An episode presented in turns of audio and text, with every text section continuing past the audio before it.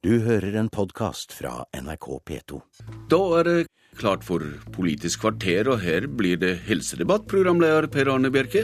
Ja, er private helseklinikker en trussel mot offentlige sykehus? Helseminister Støre møter Høyres Bent Høie.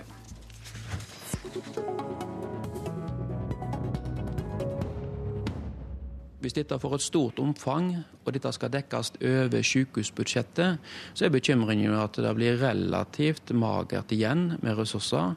Pluss at de vi har brukt mange mange år på å utdanne til spesialister, vil forsvinne til det private. og Vi setter ribba tilbake. og Det betyr utdanning, forskning, opplæringsoppgaver kan bli skadelidende.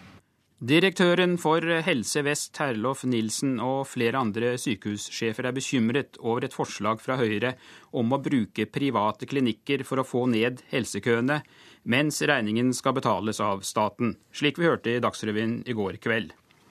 Leder i Stortingets helsekomité, Bent Høie, hvordan kan du garantere at det ikke fører til en svekkelse av budsjettene ved de offentlige sykehusene, når flere skal dele de samme bevilgningene?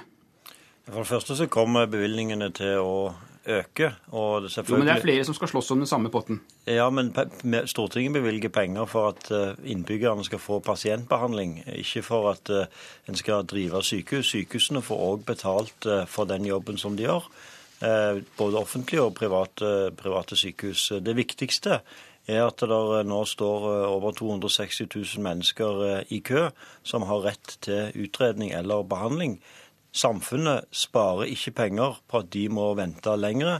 Når det er ledig kapasitet i det private, så er alle tjent med at en kommer raskere fram i køen, får behandling, kan komme tilbake igjen i arbeid, eller starte med eh, rusbehandlingen istedenfor å ruse seg videre, eller slippe å engste seg for at en har kreft, få avklart enten den gode nyheten om at en er frisk, eller at en kommer raskt i gang med behandling.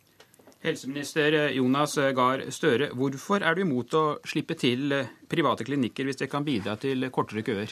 Det begynner med en feilslutning, programleder. For vi har jo godt samarbeid med private klinikker. Vi kjøper tjenester fra dem for rundt 10 milliarder i året, er, eller 11 milliarder. Det er 10% av sykehusbudsjettet, så det er ikke det det handler om. Men her bruker Høyre da konsekvent dette tallet av hvor mange som venter, og kaller det kø. Uh, er det ikke kø, da? Nei, nå skal jeg prøve å forklare det og bruke ett minutt på det. Altså, Forholdet mellom de som venter på behandling og de som får behandling, har aldri vært bedre. For stadig flere får behandling.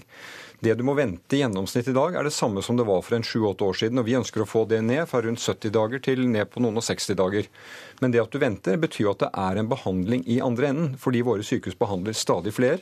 Og det er et godt samarbeid med de private. Men det Høyre her gjør, de bruker disse tallene som et argument for å innføre noe helt nytt i vårt helsevesen. Nemlig at hvis du har fått definert at du har behov for en behandling, og det er gjerne en veldig lett identifiserbar behandling, så kan du gå rett til en privatklinikk med en sjekk eh, og få det behandlet der utenfor enhver eh, helhet og prioritering. Det skal tas fra den rammen som vi driver våre sykehus. Eh, Bent Høie sier at vi må betale sykehusene for den jobben de gjør. Men sykehusene gjør mange jobber som ikke du får inn på denne betalingen. De driver og forsker, de driver opplæring, akuttberedskap. Og Derfor så er jeg enig med det nøkterne sykehusdirektører sier om det forslaget. Det er uoversiktlig, det er, veldig, eh, det er mange uklarheter i det, men det vil svekke de offentlige sykehusene, og det vil svekke pasientene, og det vil ikke redusere køene. Høie, tar sykehussjefene feil, da, siden de ikke er enig i dette forslaget ditt? Ja, Sykehusdirektørene tar eh, feil, eh, fordi at det er på mange måter elefanten som blir skremt av musa. Eh, mellom 70 og 80% av eh, behandlingen i Norge er akutte. Der er de private ikke inne i det hele tatt. Det kommer heller aldri til å komme inn. Eh, blant de mellom 20 og 30% som er planlagt, så vil de offentlige sykehusene òg med dette gjøre mesteparten av jobben. Men så er det sånn at det oppstår noen flaskehalser som fører til at folk venter. Og Det er helt utrolig å høre at helseministeren her prøver å fremstille dette som om dette ikke er kø når folk i gjennomsnitt av disse venter i, i over to måneder. Eh, og Det betyr at blant disse så er det helt riktig noen som ikke har noe veldig alvorlig. Men blant disse så er det folk som altså 2500 av disse f.eks. er rusavhengige, som er svært alvorlig syke, som allikevel er motivert til å få behandling, men som må vente i lang tid før de kommer inn på rusinstitusjoner. Det er det ingen grunn til. Kø koster for eh, samfunnet. Folk går sykemeldte. Og det som er prioritering, helseministeren, helseminister, det er når det offentlige har sagt, når fastlegen har sagt dette har du behov for, når henvisning er blitt vurdert og en har konkludert med dette har du behov for, der ligger den offentlige prioriteringa. Jeg møter deg når som helst i en diskusjon om hvor vi skal prioritere mellom hva som er det offentlige sitt ansvar og hva som er det private ansvar. Men når vi er blitt enige om at det er offentlig ansvar, så er det ingen grunn til at folk skal vente. Større. Nei, men uh, det er jo slik at Høyre argumenterer som at uh, det burde ikke vært noen venting på noen behandling. Da måtte vi hatt et helt annet helsevesen som at alt ble vurdert som akutt. Og på rus er det kortere ventetider enn det som er, er gjennomsnittet. Men det jeg prøver å, få fram her, er at Høyre vil skape et eget spor for disse private klinikkene, som kan gå rett til en sjekk og få utbetalt penger Eh, fra en ramme som sykehusene i dag har. Det vil svekke sykehusene. Eh, det er et veldig dårlig utredet forslag, og det kommer sammen med Høyres forslag om å omorganisere måten sykehusene er organisert på, og som også er veldig utydelig. Og så vil jeg si det at uh, dette er en måte å Eh, bruke det forholdet at de venter på som en, eh, en, trussel og gjøre det verre. Erna Solberg har altså fremstilt eh, tilfeller her av pasienter som må vente seks måneder på behandling, når det viser seg at de offentlige ordningene vi har, kunne gitt behandling på en fire-fem dager. For det er skapt en illusjon om at alle venter veldig lenge. Det er ikke slik. Det er slik at vi har Raskt tilbake, vi har ordninger med disse private klinikkene der de kan ta av flaskehalser. Men det svaret vi ikke får, det er i hvilken grad Høyre kan godtgjøre at dette ikke vil ramme sykehusene og de fagmiljøene som er der. Støre, i dag er kapasiteten ved flere offentlige sykehus sprengt. Og så er det ledig kapasitet ved private sykehus. Hvorfor er det ikke god samfunnsøkonomi å utnytte denne ledige kapasiteten? Jo, det er jo feil at vi ikke utnytter den kapasiteten. Eh, vi gjør det. Ja, hvorfor er du mot Høyres forslag, da? Nei, men Fordi Høyres forslag åpner en eget spor for at dette skal utvides kraftig for de offentliges regning. Vi så på Dagsrevyen i går et privat sykehus i Oslo som gjør sikkert mye bra arbeid, som planlegger å bygge en stor fløy. Det er ikke ledig kapasitet, det er en invitasjon til at dette multinasjonale selskapet, som skal ta ut sine overskudd, kan rekruttere inn fra den offentlige sektoren til dette å bygge et tilbud. Slik at man snakker om her at det er én privat kapasitet og én offentlig. Som han sa, han, som, Nilsen, som, som, som, Nilsen sa i denne innslaget, de har utdannet spesialister. De har brukt tid på å bygge opp dem. Dette er det viktig at sykehusene også får en overordnet styring for å beholde, for pasientenes beste. Det offentlige utdanner også ingeniører, men blir ikke sure fordi om de blir ansatt i Statoil. Men det, ja. det Nilsen sier. Han sier altså at han er redd for at fagfolk skal trekkes ut fra sykehusene, særlig i Utkant-Norge. Hvordan kan du være så sikker på at ikke fagfolkene da forsvinner til bedre betalte jobber ved, ved private sykehus? For det første så er ikke antallet fagfolk gitt. En snakker som om vi lever i en planøkonomi. Det gjør vi ikke. For det andre så mener jeg at er det noe sykehusdirektørene fortjener konkurranse om, så er det å være gode arbeidsgivere. Eh, en stor andel av deres ansatte leger, som de nå er veldig opptatt av å beholde, har de ikke engang gitt fast ansettelse. En lege i Norge i dag er 41 år i gjennomsnitt før han får fast ansettelse på vårt sykehus. Så hvis de er veldig opptatt av å beholde disse legene, så får de begynne å gi dem faste stillinger. Eh, og For det andre så er dette, altså for å ta et eksempel blant de da som står i kø. 2500 rusavhengige. Alle de er blitt vurdert i et offentlig inntaksteam som har sagt at disse har behov for behandling. Der finnes det en rekke private, ideelle rusinstitusjoner som i dag har ledig kapasitet, som står i fare for å bli lagt ned, selv om disse pasientene har behov for behandling, de er vurdert av det offentlige. Hvem er det som sparer penger på, i et samfunnsperspektiv, at disse rusavhengige i dag går og ruser seg, er kriminelle og, og, og, og finansierer sitt rusmisbruk gjennom å drive kriminalitet, og mister motivasjonen, sånn at når de blir innkalt til behandling, så er det veldig mange som ikke stiller opp. Dette er dårlig samfunnsøkonomi. Og at Arbeiderpartiet bruker helsekø som et prioriteringsvirkemiddel, som et sparevirkemiddel, det er i et samfunnsperspektiv veldig dårlig økonomi. Jeg tror I hver sending så får jeg tilbakedrevet argumentet, for det går på tomgang hos Høie. At vi bruker det som et spareargument, det gjør vi ikke. Eh, for rusbehandling så er det også slik som for all annen behandling. Akuttbehandling venter ikke. La oss bare understreke det. Du får behandling. Er det alvorlig, får du også behandling. Gjennomsnittlig venting for rusbehandling ligger i strøket 40-50 dager. Og vi arbeider for å få det lenger ned. Vi behandler altså nå dobbelt så mange med rusproblemer i poliklinisk behandling, og vi øker også langtidsbehandling. Det, jeg innrømmer at ikke dette går over natten. Vi kjøper nå flere tjenester fra private, vi bygger ut langtidstilbudene, og vi har en god diskusjon om hva er kvalitet dette, på dette området.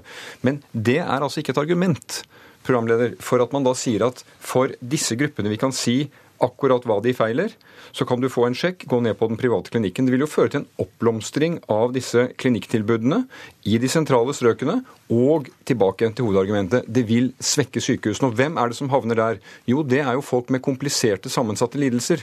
Og hvis sykehusene skal få mindre penger, mindre styring med ressursene, mindre styring med fagfolkene, så blir det dårligere tilbud til pasientene. Er det ikke det som vil skje det høye, at eh, de private vil utvide? Vi så jo i Dagsrevyen i går hvordan Aleris fortalte om sine utvidelsesplaner. og Vil ikke det da gå på bekostning av bl.a. sykehus i mer grisgrendte strøk? Jeg vil mene at dette vil innebære en mer fornuftig arbeidsdeling òg mellom eh, sykehusene og mindre klinikker. Det som en ser, er at en, eh, en, stor del av de som står i kø i dag, de venter på dagbehandling og, og poliklinisk. Rundt 80% av de som står i kø, gjør det.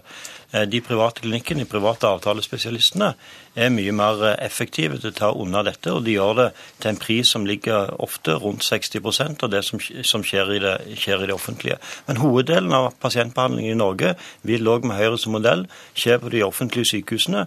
De vil få de store pengene. Men der det oppstår flaskehalser, der viser de private at de er raskere til å snu seg rundt. Og Dessuten så tror jeg at når, når de offentlige sykehusene ser at når det oppstår flaskehalser når pasientene forsvinner, så vil de òg være flinkere til å snu seg rundt og få en bedre organisering. For i tråd med det også som helseministeren er enig i.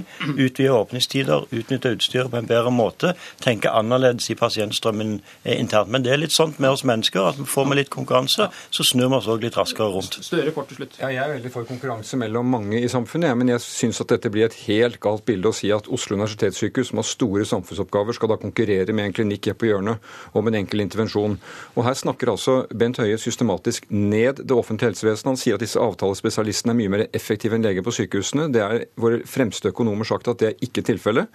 Så jeg mener at dette er et lettvint tilbud hvor han viser større omsorg for en, for en privat, voksende sykehussektor enn for ja, pasienten. Og der må jeg si takk, takk til dere to.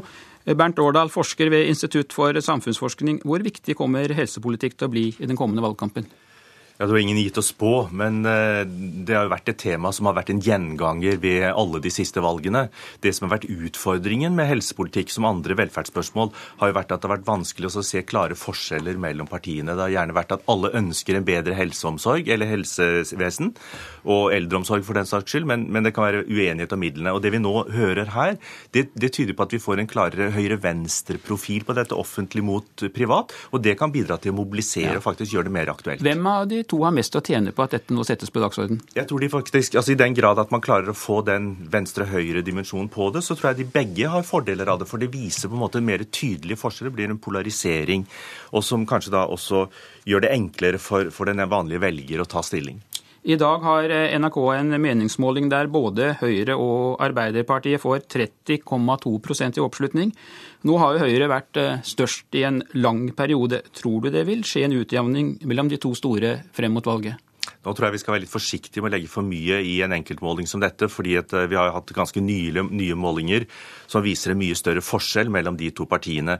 Men det ligger et potensial for en utjevning. Dels at Høyre ligger så høyt når det gjelder mobilisering av tidligere velgere og hjemmesittere og overganger fra andre partier, mens Arbeiderpartiet har det problemet at de har mange velgere som sitter på gjerdet. Så der er det altså et potensial for Arbeiderpartiet til å få disse ned, mobilisere dem ut, mens det kanskje kan være en del velgere som sitter litt løst for Høyre. Både SV og Senterpartiet går frem i denne målingen som Norstat har gjort for NRK, og partiene har nå beveget seg vekk fra sperregrensen. Er dette et eh, tilfeldig blaff, tror du, eller mobiliserer SV pga. Lofoten og Senterpartiet pga. EØS? Utslagene er nok for små til at man kan si det helt definitivt. Men det er interessant å se på bakgrunnsmaterialet at mens SV har hatt et problem i det siste å miste en del velgere både til Miljøpartiet De Grønne og til Venstre, så, så viser denne siste målingen at denne lekkasjen har stoppet opp. Og Det kan være en liten indikasjon på at de kanskje har lyktes med å få en del mots, eller, si, konflikter og tema på, på dagsordenen som, som gagner SV.